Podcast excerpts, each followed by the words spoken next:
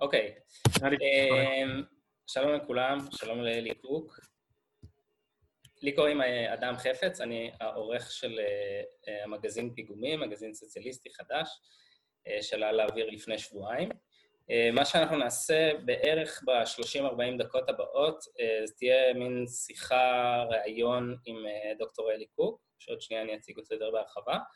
אה, אנחנו מקווים לעשות את זה עם אה, עוד כותבים אה, ישראלים שיכתבו לנו, נוכל לעשות איתם רעיון, להרחיב קצת מעבר למה שיש במאמרים. המאמר שעליו אנחנו נדבר, גם על המאמר, גם על הספר, עוד שנייה נתחיל לדבר עליו, אבל מי שאני שנייה אשתף מסך, זה האתר שלנו, פיגומים.org.il, אתם יכולים לראות uh, המאמר של אלי הוא המאמר המוביל, אתם מוזמנים להיכנס, לקרוא. Uh, אנחנו מאוד מאוד נשמח, אנחנו, מי שלא יודע, אנחנו מתקיימים כמעט אך ורק מתרומות קטנות. נשמח מאוד אם גם תעזרו לנו להתקיים, להתרחב, לפרסם יותר תוכן, מקווים גם להפוך להיות בדפוס. אה, אז כדי לתרום, פשוט לוחצים על ה... אנחנו גם נשלח אה, לינק בצ'אט וגם בפייסבוק, אבל כדי לתרום אתם נכנסים לאתר, ופשוט אה, במניו, בתפריט, לוחצים על תרמור, אתם יכולים לתרום כאן, יש אפשרויות כמובן חד פעמי, אנחנו מעדיפים שתעשו הוראת קבע, מי שעושה הוראת קבע מקבל כל מיני צ'ופרים, וזהו, זה מאוד מאוד יעזור לנו בתפעול היומיומי. אה, בכלל אה, לבנות את העתיד שלנו בתור אה, מגזין מוביל. אנחנו עכשיו עם דוקטור אלי קוק, הוא היסטוריון של הקפיטליזם האמריקאי מאוניברסיטת חיפה. אנחנו נדבר על המאמר שלפני שלפני רגע הראיתי באתר. אנחנו גם טיפה נרחיב על הספר הזה, אני מקווה שאתם רואים, זה הספר שאלי הוציא ב-2018. 17. 17, שנקרא תמחור הקדמה, אה, ובשיחה הזאת אנחנו בעצם ננסה גם טיפה להרחיב מעבר למה שיש במאמר, קצת על הספר וקצת אה, על הרלוונטיות של כל הדברים האלה להיום, בטח בעיצומו של משבר הקורונה. אה, איך שזה ילך זה שאני אשאל כמה שאלות את אלי, הוא יענה, תוך כדי אתם מוזמנים, אתם מן הסתם לא יכולים לדבר, אה, אבל אה, אתם יכולים לשלוח אה, בצ'אט, גם כאן מי שנמצא בזום וגם בפייסבוק יכולים לשלוח שאלות, ובערך עשר דקות האחרונות אני אאסוף את השאלות ואציג אותן לאלי, אני מקווה שנספיק כמה שיותר. אז נתחיל. במאמר וגם בספר יש בעצם איזשהם שני מגמות שונות של מדדים שמופיעות. אחד זה אה, מדדים כלכליים שרובנו מכירים, תמ"ג, תל"ג, כל מיני דברים כאלה. על זה אנחנו נגיע, לזה אנחנו נגיע עוד מעט. אה, במגמה אחרת, אנחנו מדברים על ארה"ב של המאה ה-19, זה מגמה של אה, מה שנקרא נתוני מוסר או סטטיסטיקות של מוסר, שזה בעצם איזושהי מגמה שאני לא יודע אם נעלמה עד כמה היא קיימת היום, אבל היא כן הייתה במאה ה-19 די דומיננטית והיא הלכה בעצם ונעלמה לטובת המדדים הכלכליים. אה, אז הדבר הראשון שהייתי שמח ש... שתדבר עליו זה בעצם מה זה הנתוני מוסר עליהם, מי, את מי הם שירתו, מה, מה הייתה המטרה שלהם, ואחרי זה נעבור אה, להתפתחות של המדדים הכלכליים. כן, אז קודם כל שלום לכולם. אז קודם כל, moral statistics, ככה הם נקראו באנגלית, זה השם שניתן להם עוד בזמנם, בצרפתית בעיקר, ואחרי זה אה, גם באנגלית. כלומר, זה לא מושג שאני המצאתי, זה מושג אה, שהאנשים אה, מאותה תקופה הם השתמשו בה. ובגדול אפשר להגיד שהנתונים האלה הם בעיקר היו נתונים של ניסיונות למדוד את הקדמה דרך כל מיני מגוון של מדדים שבאמת הם לא כסף. אז חלקם היו דברים כמו אחוזי כליאה, תוחלת חיים, אה, מספר הספריות, אה, מספר המלומדים, אה, כמות, כמות הפושעים, מה עוד היה לנו? היה לנו... אה, תקופה שבה אנשים מאוד מוטרדים מהאם קפיטליזם גורם לאנשים בעצם להשתגע, האם השוק גורם לאנשים להתחרפן. אז שאלות כמו מספר אנשים ב, שנמצאים בבתי משוגעים, נקרא לזה, או לבתי חולים לחולי נפש היה מדד מאוד פופולרי בתקופה הזו. אני חושב שזה העיקר, אבל היו עוד. כלומר, אין ספק שמה שאני טוען במאמר, ו... וגם בספר, זה שבעצם לא צריך לעשות איזושהי רומנטיזציה על הנתונים האלה. מי שמכיר קצת את העבודה של מישל פוקו יודע קצת על הניסיון של אליטות לשלוט באנשים במאה ה-19 דרך המדדים האלו, להפוך אותם לאזרחים יותר טובים, או להוריד את הפשיעה, או, או, או כזה, להחדיר בהם את האתיקה הפרוטסטנטית ודברים אחרים. אגב, לא הזכרתי, גם היו היבטים דתיים, מספר אנשים שהולכים לכנסייה, דברים כאלה. אבל בעצם בספר הזה אני נותן להם איזשהו טוויסט, ואני בעצם אומר שהיה גם איזשהו פן, אפשר לומר, חיובי למספרים האלו, וזה שבסופו של הוועדה, בסופו של דבר, מה שהיה במרכז היה הבן אדם עצמו, לטוב ולרע. כלומר, זה לא היה שאנשים, ועוד שנייה נגיע למדדים הכלכליים, שהבן אדם הוא יותר אמצעי. בשביל תוצאות כלכליות, אלא באמת העניין הזה של הבן אדם והמצב הפיזי שלהם, המצב המנטלי שלהם, המצב הרוחני שלהם, הוא היה בעצם במרכז של מדדי קדמה. אוקיי, ועכשיו אנחנו בעצם, אז זאת מגמה אחת, המגמה של, ה, של המדדים היותר, נקרא לזה, מוחשיים, הלא כלכליים. ואתה בעצם מתאר שבשלב מסוים, באמצע המאה ה-19, מתחילים לעלות מדדים כלכליים. אז מה זה המדדים הכלכליים האלה? מה היה המוקד שלהם? למה הם עולים בכלל? זהו. כן, אז הספר שלי בעצם לוקח את הרעיון הזה של מדדים כלכליים ומנסה להתחקות מה...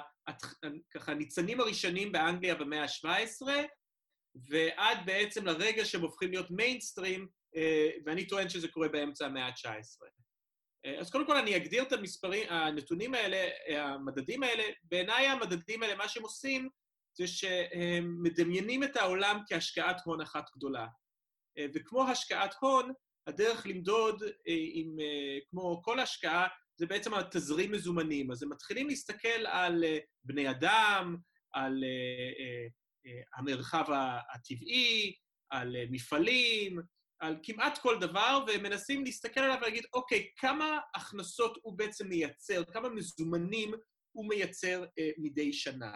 אה, שהרעיון הזה של תזרים מזומנים, במיוחד תזרים מזומנים עתידי, אה, זה דבר מאוד מאוד מאוד חדש. כלומר, אין ספק שאנשים אה, משתמשים במחירים אה, מאלפי שנים, זה לא משהו חדש, אבל מה שאני מדגיש מאוד בספר זה ההבדל למשל בין כסף והון, וההבדל בין בעצם לתמחר משהו, בעצם מה שאני קורא לו בספר להוון משהו, to capitalize.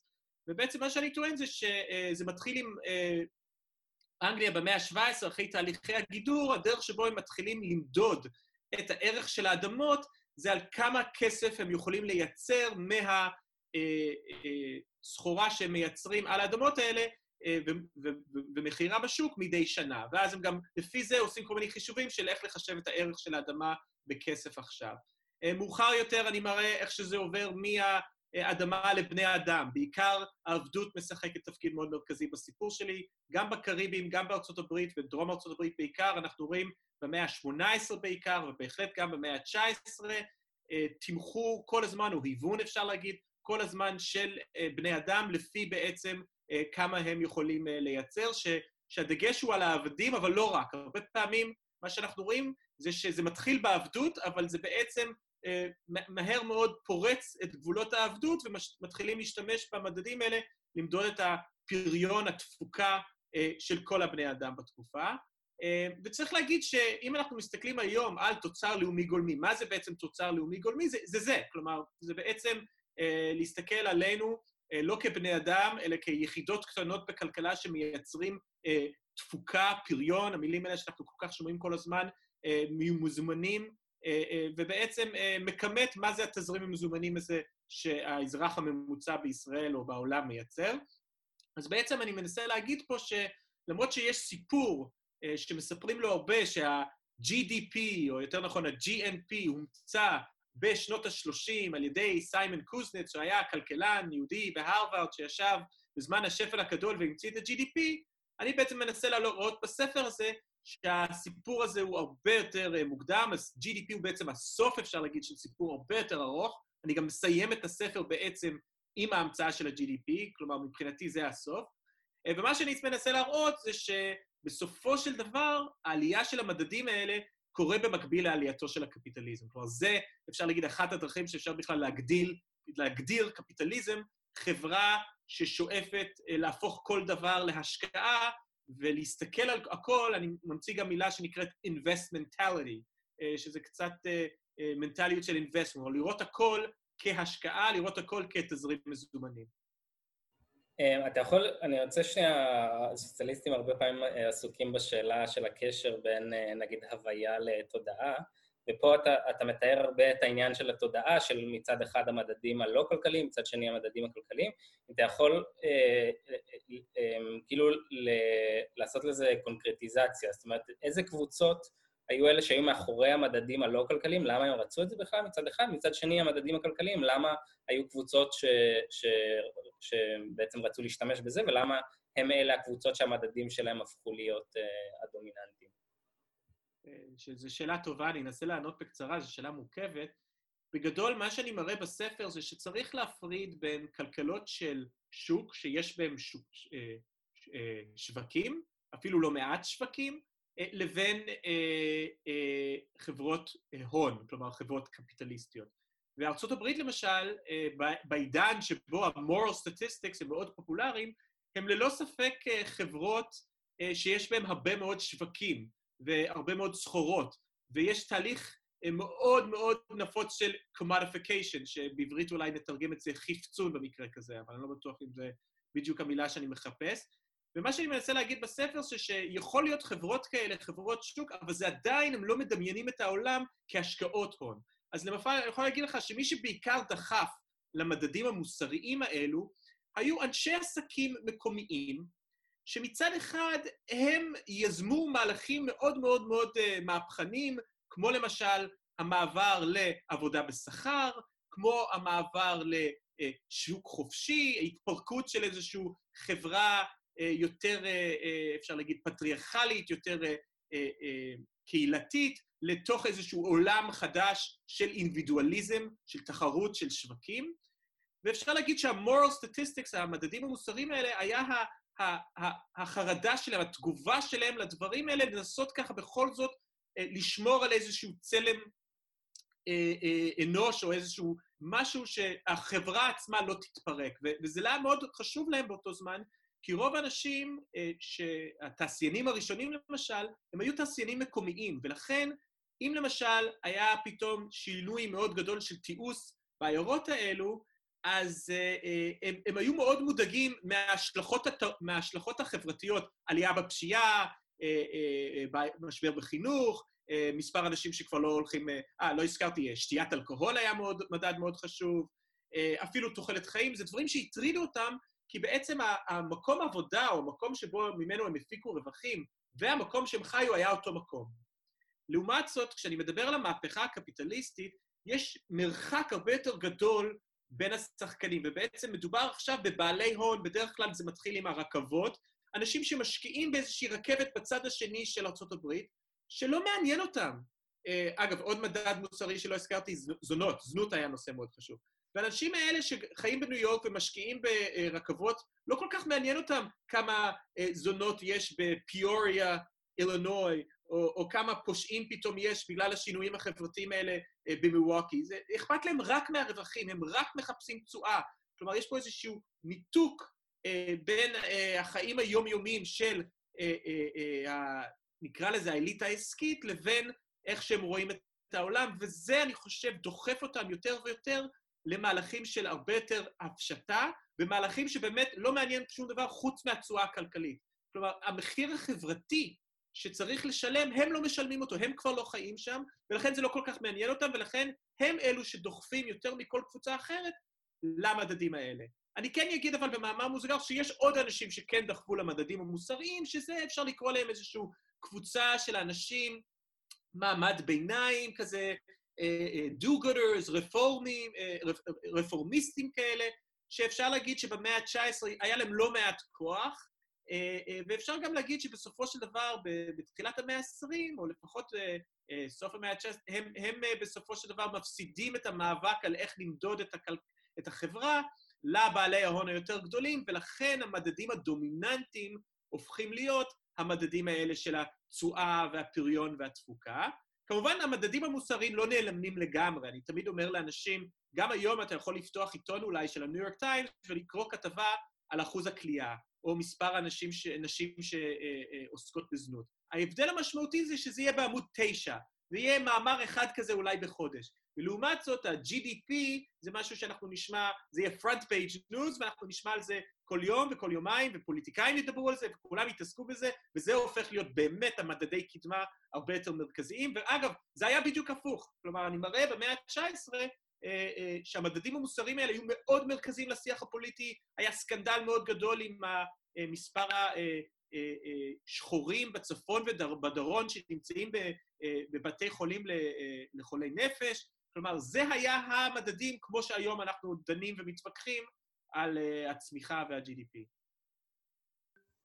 אז אני רק אזכיר קודם כל למי שצופה בנו, גם בזום וגם בפייסבוק, מי שרוצה לשאול שאלות, אה, מוזמן אה, בצ'אט, בפייסבוק, בזום, אנחנו נגיע אליהם, אני מקווה לכולם אה, נספיק לקראת הסוף, בעשר דקות רבע שעה האחרונות.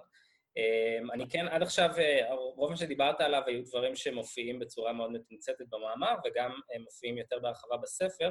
אני רוצה שכן נתחיל לדבר על דברים שהם בעצם טיפה חורגים מהספר. את הספר אתה מסיים ב, ב, ב, בעצם ברקע לתמ"ג. אז אני אשמח שתדבר טיפה גם על, אה, גם על הרקע הזה, גם, וגם, אני חושב שזה בטח המדד הכלכלי הכי מוכר שכולם מתישהו שמעו עליו, איך הוא הפך להיות כזה דומיננטי לא רק אה, בארצות הברית, אלא גם בעולם, איך הוא חלחל לדבר כל כך יומיומי.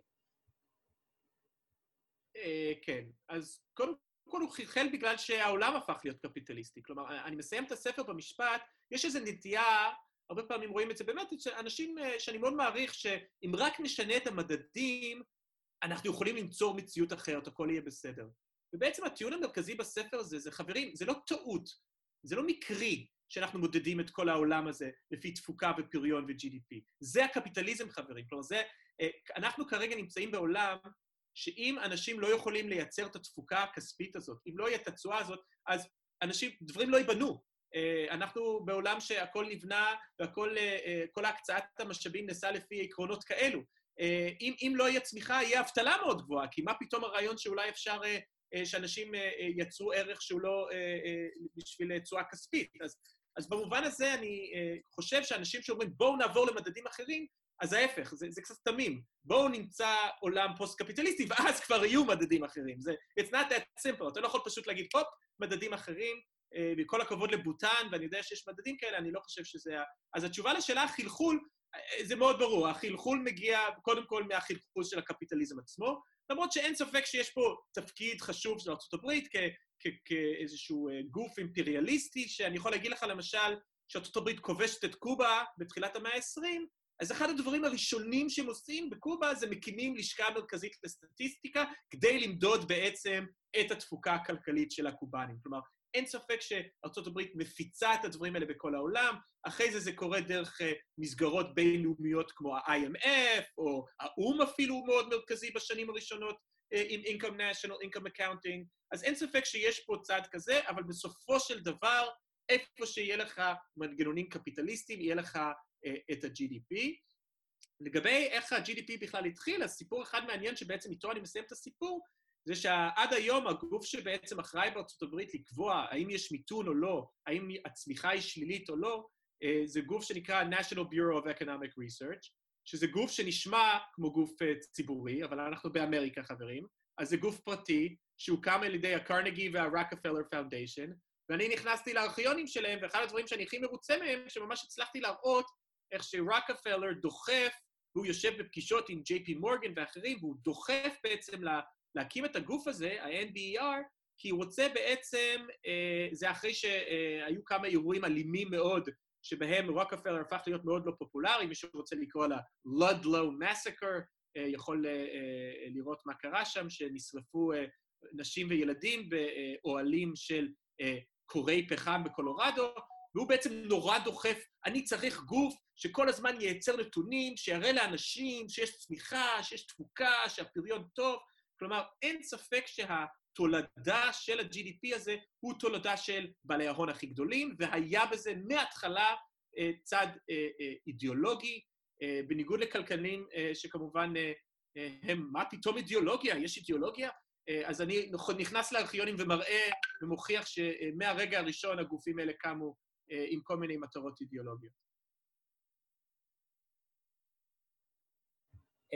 אני רוצה שעכשיו בעצם, התמ"ג הוא באמת משהו מאוד מאוד מוכר שכולם רואים, אה, ביום-יום, אבל הייתי שמח אם טיפה תראה איפה, לא, לא איפה התמ"ג נמצא, כי נראה לי כולם, הכוונה בימינו, כי כולם נראה לי אה, נחשפים אליו, אלא יותר באיזה מקומות, אני חושב שאפשר לראות כל מיני דוגמאות עם הקורונה, עם המשבר הקורונה עכשיו, שבו המדדים הכלכליים בעצם אה, משמשים בתור איזשהו תחליף לדברים יותר, נגיד, קונקרטיים. אז נתת דוגמה של, של אחוזי כליאה, של זנות, של דברים כאלה, אה, איפה אתה, נגיד, נתקל בעניין הזה שבו יש מדדים כלכליים, אבל היה הרבה יותר הגיוני ונכון אה, אם, אם היו משתמשים במדדים יותר, אה, נגיד, נתוני מוסר של ימינו? כן, אז קודם כל צריך להגיד שזה לא רק GDP באמת, ועוד דבר שאנחנו רואים הרבה בשנים האחרונות זה חישובי עלות תועלת, ששם מתמחרים את המחיר של בן אדם, ולפי המחיר של הבן אדם אתה בעצם מחליט האם כדאי או לא כדאי אה, לעשות איזושהי אה, אה, רגולציה אה, אה, מסוימת. וזה משהו שבעצם נכנס לארה"ב בשנות ה-80, רונלד רייגן, לא מפתיע, שוב, אנחנו רואים כמה שהפוליטיקה אה, קשורה לדברים האלה. במובן הזה אפשר להגיד שזה דברים שהתחילו עוד אה, במאה ה-19, תחילת המאה ה-20, אבל הניאו-ליברליזם הוא, לוקח את זה ומביא את זה באמת במרכז של הניהול הכלכלי היומיומי. אה, וברגע שאתה עושה את זה, אז אתה בעצם אה, מקבל החלטות הרות גורל לפי החישובים האלו. אני אביא לך דוגמה עכשווית. אז אם לא יוציאו את החלקים שלי, ולא נראה לי שיצאו את זה, אז בפרק הבא של חיות כיס, אז יהיה איזה קטע שלי בסוף, אחרי שהם יציגו מחקר חדש של כלכלנים, שהשתמשו בחישובים של הסל תרופות בארץ בשביל לחשב כמה בעצם ישראלים חושבים ששנה של חיים שווים, ומגיעים למסקנה שהחיים של בן אדם בן 80 בישראל שווה בערך 2 מיליון שקל, לעומת ילד בן 5 שהחיים שלו שווים איזה 80 מיליון שקל, שאגב, זה בדיוק מסוג הדברים שאני מראה גם בספר. והמסקנה שלהם בסופו של דבר, אחרי כל מיני חישובים, זה שאם יהיה גל שני, אז לא כדאי אה, אה, אה, לסגור את הכלכלה, כי בעצם הפגיעה בתוצר הלאומי הגמולמי, הפגיעה בתפוקה, אה, היא, אה, אה, היא תהיה גבוהה יותר מהעיבוד חיים שהם תמחרו בשני מיליון שקל. תשמע, אני לא יודע אפילו מאיפה להתחיל, אבל זה מה שגם אמרתי בחיות כיס, אבל בוא נגיד, מה, מה הולך לאיבוד? אני, אני אחלק את זה לכמה דברים. אז, אז קודם כל, הזכרת את המדדים המוסריים. כלומר, דברים שאי אפשר לכמת בכסף. הרגשות של בדידות, של חרדה, אה, של אה, אה, דברים שהם חינם, אוקיי? ספרייה, הזכרתי, מדדים מוסריים חשבו שספריות זה מדד חשוב. אם יש משהו אחד שהתוצר הלאומי הגולמי לא סובל, זה ספריות, זה סיוט בשבילו. אנשים קוראים ספרים בלי לרכוש אותם? מה זה? זה לא יופיע בנתונים שלנו, זה לא קדמה. חייבים בעצם לסגור את כל הספריות ושכולם יקנו את הספרים שלהם בסטימצקי וצומת ספרים, כי אחרת אה, התוצר הלאומי הגולמי לא יעלה, ואז ברור שקריאת ספרים זה, אין בזה שום תכלית. אה, אז, אה, אז קודם כל, דברים שבעצם לא סופרים אותם. ברגע שאתה מסתכל בכסף, זה עניין מאוד מאוד מאוד מרכזי, וכמובן נכנסים לפה המון דברים, שבאמת יכול להיות סבל אנושי, עיבוד חופש, אנשים ש... לא נרדמים בלילה כי אין להם ביטחון תעסוקתי, עוד דבר שמאוד קשה למדוד אותו, בלתי אפשרי בעצם למדוד אותו ב-GDP, אה, וזו סוגיה שאנחנו אה, רואים היום שהיא מאוד קריטית בקורונה, אבל לא תיכנס בעצם אה, לנתונים של הכלכלנים האלו. ומצד שני, אני רק אגיד דבר אחרון, זה שיש דברים שאולי אפשר למדוד בכסף, אבל בדרך כלל במדדים שאני מדבר עליהם, שמדמיינים את העולם כהשקעה כלכלית, הם לא מודגשים, וזה הסוגיות המעמדיות, הסוגיות של ניצול, של אי שוויון, של מי בעצם, נגיד, אחד הדברים שאמרתי בחיות כיס אתמול, או שלשום, שראיינו אותי, זה שהם מדברים על התוצר הלאומי שילך לאיבוד אם אנשים לא יעבדו. אבל מה שהם לא מסכימים זה מי בעצם המפסידים הגדולים. כלומר, העולם לא אה, אה, אה, אה, שוויוני, והשקר הכי גדול הרבה פעמים זה שאנחנו מדברים על תוצר לאומי לנפש. אבל כמובן, בפועל אנחנו יודעים שרוב העובדים אה, שנפגעים, הרבה מהם אה, עובדים בשכר מינימום, אה, והם עובדי קבלן, ולעומת זאת, רוב התוצר מגיע למאיון העליון וכולי, אז לכן ברור שלהם יש אינטרס הרבה יותר גדול לפתוח כמה שיותר מהר את הכלכלה. אגב, גם סביר להניח שהסיכון עבורם יהיה קטן, הם יכולים להישאר בבית, הם קונים גם מכונות הנשמה פרטיות וכל מיני דברים אחרים. כלומר, בסופו של דבר הייתי אומר, ההיבט השני שזה, אה, שהרבה פעמים הולך לאיבוד, גם בתוצר לימומי, ואגב, גם בחישובי עלות תועלת, שאף פעם אין להם פן מעמדי, זה אף פעם לא אה, אה, אה, אה, חושבים על זה אה, בהשלכות חלוקתיות. זה תמיד מניח שיש שתי אפשרויות, צמיחה כזו או צמיחה כזו, מה עדיף לנו, כאילו שיש איזה לנו כזה, ואנחנו הזה, שבדיוק אני חושב עליו, כמה הכלכלנים אוהבים לדבר על האנחנו הזה, עומר מואב, שימו לב, תמיד מדבר בשפה של אנחנו, אוקיי? אנחנו הולכים, אנחנו, שזה כמובן אה, אה, אחד השקרים הכי גדולים, אז, אז גם זה משהו שהולך לאיבוד מאוד אה, במדדים האלה. אמ, קצת ענית לי על השאלה הבאה, אבל אני אנסה... אז רגע, אז מה היה השאלה ששאלת? לא, לא, שאלתי, לא, ענית גם על השאלה ההיא, אולי השאלה... אה, אוקיי, אוקיי, אז בסדר. אמ, לא, אבל אני כן אנסה טיפה לחדד, ואם אתה מרגיש שזה, אז אתה יכול, מוזמן לענות בקצרה. אמ, השאלה היא, אם אתה מסתכל בן אדם ממוצע שמצבו טוב, הוא יכול להסתכל על המדדים האלה, ולהגיד, תראו איזה יופי, יש לנו בעצם מתנה, יש לנו איזה משהו, איזה מדד כספי, כסף, שכולם מכירים, ואנחנו יכולים להשתמש בו כדי בעצם להשוות בין אה, בין המציאות המאוד מאוד מורכבת שיש בה המון היבטים, אבל הנה, יש לנו איזשהו משהו שמאפשר לנו אה, להשוות בין דברים, לעשות באמת חישובי עלות תועלת, כל הדברים האלה. אה, אז השאלה בעצם, למה, אה, למה זה בעיה? מה, כאילו, בצורה... זה, למה, למה זה בעיה שאנחנו משתמשים במדד הזה? והאם זה תמיד בעיה, או שזה בעיה, נגיד, שמכילים את זה על אה, יותר מדי תופעות? אה, שאלה מצוינת. אז, אז בואו נדבר שנייה על אה, למשל מה קורה בזמן הקורונה.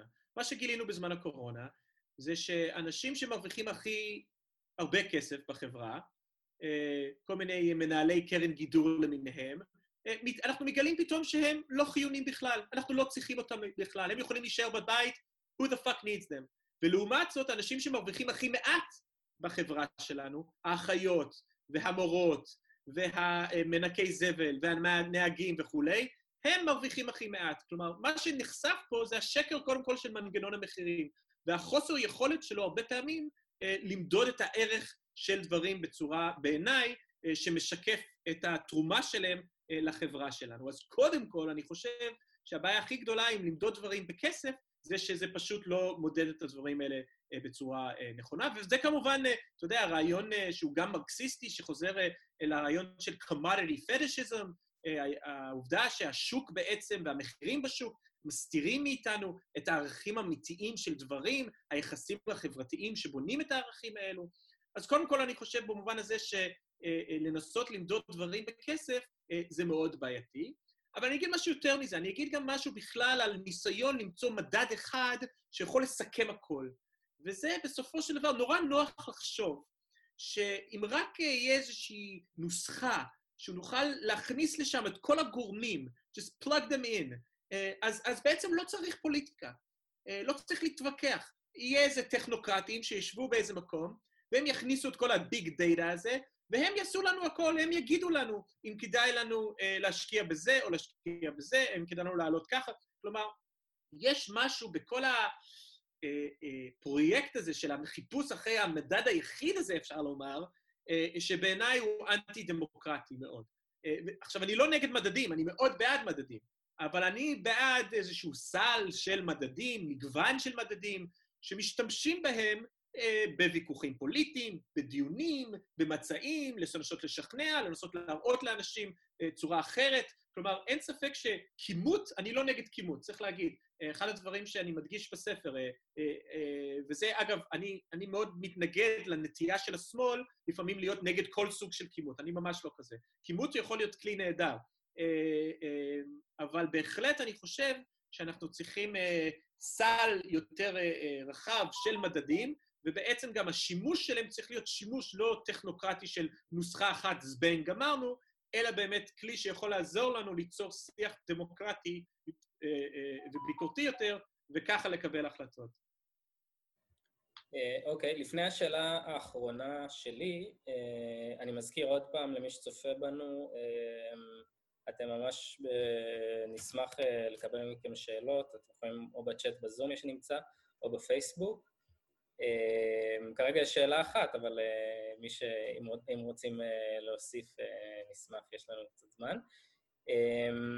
השאלה האחרונה היא כזאת, טיפה הזכרת את זה בדברים שלך, אבל, ואתה גם מתייחס לזה בסוף הספר, אבל השאלה, אם יש לנו את הביקורת הזאת כלפי מדדים כלכליים, האם אנחנו, נניח בתור שמאל, בתור סוציאליסטים, כדאי שנקדם את המדד, נחיה את נתוני המוסר, או, או נפעל לאיזה, לאיזה שינוי כללי כזה, שימוש יותר נרחב בנתונים שאולי אוספים אותם, אבל לא מקבלים דומיננטיות. האם זה לדעתך איזשהו פרויקט שנניח אנשי מחקר שמאליים, או זה צריכים לקחת על עצמם? התשובה הקצרה היא כן. אני אפילו אגיד לך יותר מזה, החלום שלי זה יום אחד אולי להקים, אני קורא לזה מכון לרגרסיות חתרניות. כלומר, מקום שבו אנשים עושים כל מיני חישובים מתמטיים וכימותיים, אבל בעצם בשביל לחשוף הרבה מאוד מהצדדים המכוערים מהחברה שלנו. אבל כן, התשובה היא, כלומר, אני גם עושה את זה כל הזמן, אני חושב שכל בן אדם שמנסה להיות, שמנסה לשכנע, הרי סטטיסטיקות זה כל כך חלק מהשפה הפוליטית שלנו היום, צריך לדעת להשתמש בכלים האלה, בין אם זה נגיד העובדה, אם נחזור למדדים המוסריים, אז כשאנשים שבאמת לא יודעים, וזה לא אשמתם, אומרים, רגע, אבל אלי, למה אתה יורד על הניאו-ליברליזם? התוצר הלאומי הגולמי אחרי 2008 חזר והכל סבבה, אז למשל, אני יכול להגיד לכם, אה, כן, אז למה תוחלת החיים בארה"ב יורד בפעם ראשונה מזה 100 שנה? ויש לנו מה שנקרא מוות, deaths of despair, מוות מייאוש, של התמכרות לסמים והתאבדויות וכולי, וזה מאוד משכנע אנשים. כלומר, זה ממש... או מצד שני, אני יכול כמובן ללכת להראות להם גרף של פיקדי, שזה גם סוג של נתונים, והראי להם, הנה, נכון, אתם צוחקים, הצמיחה קצת חזרה, אבל היא מגיעה כל-כולה לאלפיון העליון. וכמובן, יש מגוון אחר של מדדים שבהחלט אני חושב שאנחנו צריכים להשתמש בהם ולהפיץ אותם, ולחנך אנשים לצפות גם, שיראו אותם. תמיד הניאו-ליברליזם מדבר על financial literacy, איך שאנחנו צריכים לחנך אנשים להסתכל על הכל כאילו זה השקעות הון, אז, אז השמאל גם צריך לעשות ההפך, אני לא יודע איך לקרוא לזה, socialist literacy, או לא יודע, אבל אנחנו צריכים ללמד אנשים גם להיות מסוגלים להבין מתי דופקים אותם, ו... ולמה כשעומר מואב מדבר על האנחנו, אז זה לא בעצם אנחנו, כלומר, כל מיני דברים אחרים, וחלק, אין ספק שחלק, חלק מהדרך לעשות את זה, זה דרך נתונים.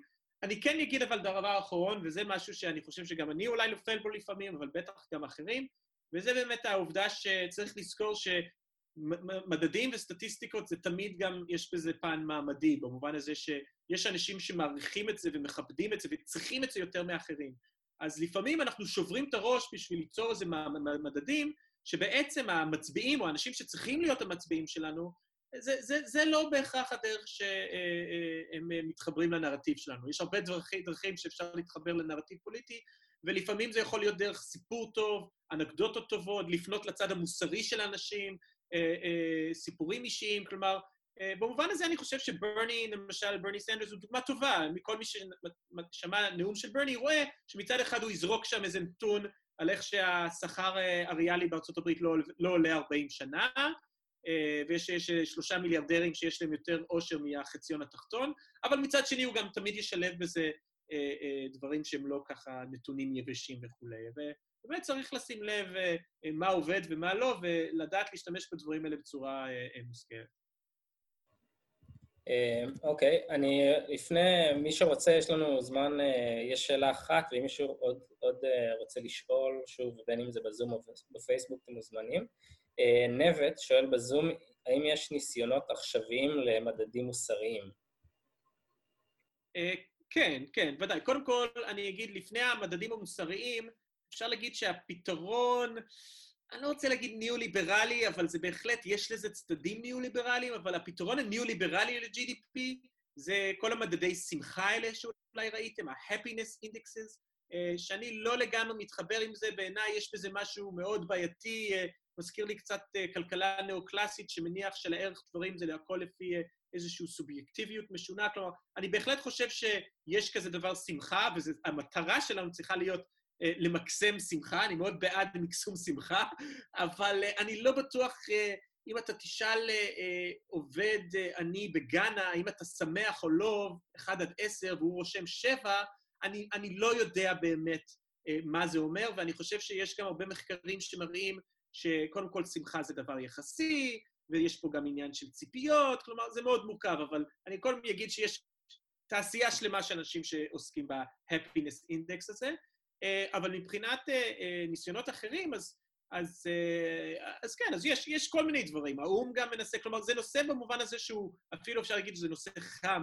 יש הרבה אנשים, גם בגלל משבר האקלים, שלא דיברנו עליו, שכמובן גם ה-GDP משחק תפקיד עצום בהרס כדור הארץ, ו, והוא הולך להמיט אסון על כולנו, אז אין ספק שיש כל מיני מדדים אחרים שמנסים להכניס, שקשורים לדברים כמו תוחלת חיים, כמו לדברים כמו מוביליות חברתית, לא הזכרתי אה, דברים גם כאלה. אז, אז כן, אז התשובה היא כן, אבל שוב, אני אחזור לנקודה הקודמת שלי, עם כל, עם כל הכבוד לניסיונות האלה, העמדה שלי היא, קודם אנחנו צריכים לשנות את החברה שלנו, ואז אנחנו יכולים, עם השינויים החברתיים האלה, להביא לשינוי במדדים. אני חושב שאם ננסה לעשות ההפך, אה, זה לא יעבוד, כי בסופו של דבר, אם ניקח למשל את ארצות הברית, אה, מה שקובע אם מישהו מובטל או לא, אם יהיה לו עבודה מחר או לא, זה לא ה-happiness index. אה, וגם אם עכשיו, מחר, יחליטו שיש כזה מדד ואפילו אה, יש חוק שצריך לדווח עליו כל חודש בעיתון, עדיין זה לא באמת המנגנון שדרכו החברה האמריקאית או הישראלית מקצה משאבים ומקבלת החלטות מה כדאי לעשות. אה, אוקיי, יש שתי שאלות אחרונות. אחת אני אענה ברשותך. נדב רוזנצוויג שואל, האם אתה מתכוון לכתוב עוד מאמר לפיגומים? והתשובה היא בהחלט כן. סליחה שאני עונה. הכל בסדר, אני מסכים. אה, והשאלה השנייה היא קצת המשך של השאלה הקודמת, היא נוגעת לש... למדד ספציפית, אה, מדד, מדד ספציפי. כרמל יערי שואל, הוא ישמח לשמוע אם אתה חושב שנתוני החוב של משקי הבית הם כלי שהשמאל צריך להשתמש בו. לגמרי. אני חושב שאחד הגרפים הכי חזקים שאני מראה בהרצאות שלי, זה איך שהחוב, אה, אה, היחס חוב תוצר בישראל ירד, ולעומת זאת החוב של משקי בית עלה, ואז אתה יכול פשוט להראות לאנשים שהדבר היחידי שהם עשו זה אה, לקחו את החובות אה, המדינתיים, שהם כמובן, אגב, בריביות הרבה יותר נמוכות, וגם, כמובן, אה, משלמים את זה בצורה אה, קולקטיבית, ויש עוד אלף יתרונות אחרים, כמו למשל, למדינה יש מדפסת אה, כסף בבית, לי אישית אין, אני לא יודע מה איתכם, מקווה מאוד שאין לכם, אבל אז, אז כן, אז התשובה היא כן, ואני רק אגיד שזה חסר. אז אם כבר הזכרתי את חיות כיס, אז אתמול התעצבנתי על שאול אמסטרדמסקי, שראיין את המפקחת על הבנקים ודיבר על... ופעם אחת הוא לא הזכיר את העניין הזה של העלייה של החובות של משקי בית, לעומת הירידה אה, ביחס של חוב תוצר. אז כרמל, התשובה היא כן, אני חושב שזה בהחלט משהו, ופה צריך להגיד שוב, שאנחנו לא עושים את זה גם בקטע יבש של נתונים, אלא אנחנו יודעים בתור שמאל כמה שחוב זה דבר שגם פוגע בחיים של אנשים, זה פוגע בחופש שלהם, זה פוגע בשעות שינה שלהם, זה פוגע ביכולת אה, אה, שלהם להירגע, כלומר, חוב זה משהו שרודף אותך, זה מלחיץ אותך, זה גם מכריח אותך לעשות דברים שאחרת לא היית עושה, זה הופך את כולנו לפעמים לממקסמי רווח, כי אין לנו ברירה אלא לעשות את זה. אז בהחלט, אה, חוב זה נושא מאוד חשוב, ואני באמת מסכים גם שאולי לא תמיד אנחנו מדגישים מספיק את העניין הזה אה, בשיח הציבורי, בשמאל. אני מניח שעוד שנה, כאשר יהיו עשרות אלפים של אנשים שלא החזירו, לא הצליחו להחזיר את החובות שלהם, והם איבדו חלילה את הבתים שלהם או את המכוניות שלהם, או אני לא יודע מה, אני מניח שהסיפור הזה יעלה. אני רק סיפר, אספר סיפור אחרון לגבי זה. אז לפעמים אנשים אומרים, אם אתה מתלונן, אלי, הנה, תראה, הצמיחה שנה שעברה בישראל הייתה שלושה אחוז, הכל הולך מדהים וזה, אז אפילו בעניין הזה אתה רואה כמה שהמדדים האלה הם, הם מעוותים את המציאות.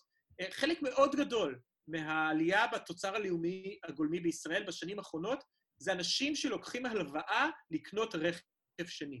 עכשיו, אני לא מכיר הרבה אנשים שנורא רוצים רכב שני, אוקיי? רכב אחד, אין ספק, אתה רוצה לצאת לטיול בסוף שבוע, רכב שני זה בדרך כלל משהו שאתה קונה כי אין לך ברירה, כי התחבורה הציבורית חרא, כי, כי אין לך דרך אחרת להגיע למקום אה, אה, וכולי, ומה שאתה עושה בעצם זה, אתה לוקח איזושהי הלוואה אה, אה, שהולך אה, אה, להוריד ממך הרבה מאוד אה, חופש והרבה מאוד אה, יכולת תמרון, וכולם חוגגים את הפריחה המדהימה במשק, כי כמובן זה מביא לצמיחה. אמ, יש, אני הבנתי שיש עוד שאלות בפייסבוק, אבל אנחנו, נגמר לנו הזמן, אה, אז נשמח, אה, אלי, אם בא לך יותר מאוחר לענות למי ששאל, אמ, ונשמח גם עם אה, התייחסויות כמובן בפייסבוק ובמקומות אחרים. אמ, דבר ראשון, המון המון תודה לאלי קוק, אתם ממש מוזמנים להיכנס לאתר שלנו, פיגומים.org.il, יש שם את המאמר של אלי ועוד כל מיני מאמרים. אה, אני חוזר שוב על מה שאמרתי בתחילת הדברים, אנחנו, כדי להתרחב ולפרסם כמה שיותר תוכן, אנחנו מאוד נשמח אם תתרמו לנו, בין אם זה תרומות חד-פעמיות או שתעשו הוראת קבע. זה מאוד יעזור לנו. אנחנו, אה, אני מקווה שנעמוד בלעשות אה, שוב את הפורמט הזה עם אנשים ש, שכותבים לנו, לעשות ראיון, קצת להרחיב מעבר, אה, מעבר למה ש, שכתוב במאמרים. אה, וזהו, אז תודה רבה לאלי שוב, שיהיה לכולם ערב טוב, ולהתראות. תודה לכולם, ואני רק אגיד, אם מישהו רוצה לשמוע עוד הרצאות שלי, אז הוא יכול כמובן לבוא ללמוד באוניברסיטת חיפה, או בהיסטוריה הכללית בחוג שלי, או בתוכנית חוכמה, בשניהם אני מעביר הרצאות, ותוכלו לשמוע עוד הרבה על ההיסטוריה של הקפיטליזם ועוד. תודה לכולם. תודה.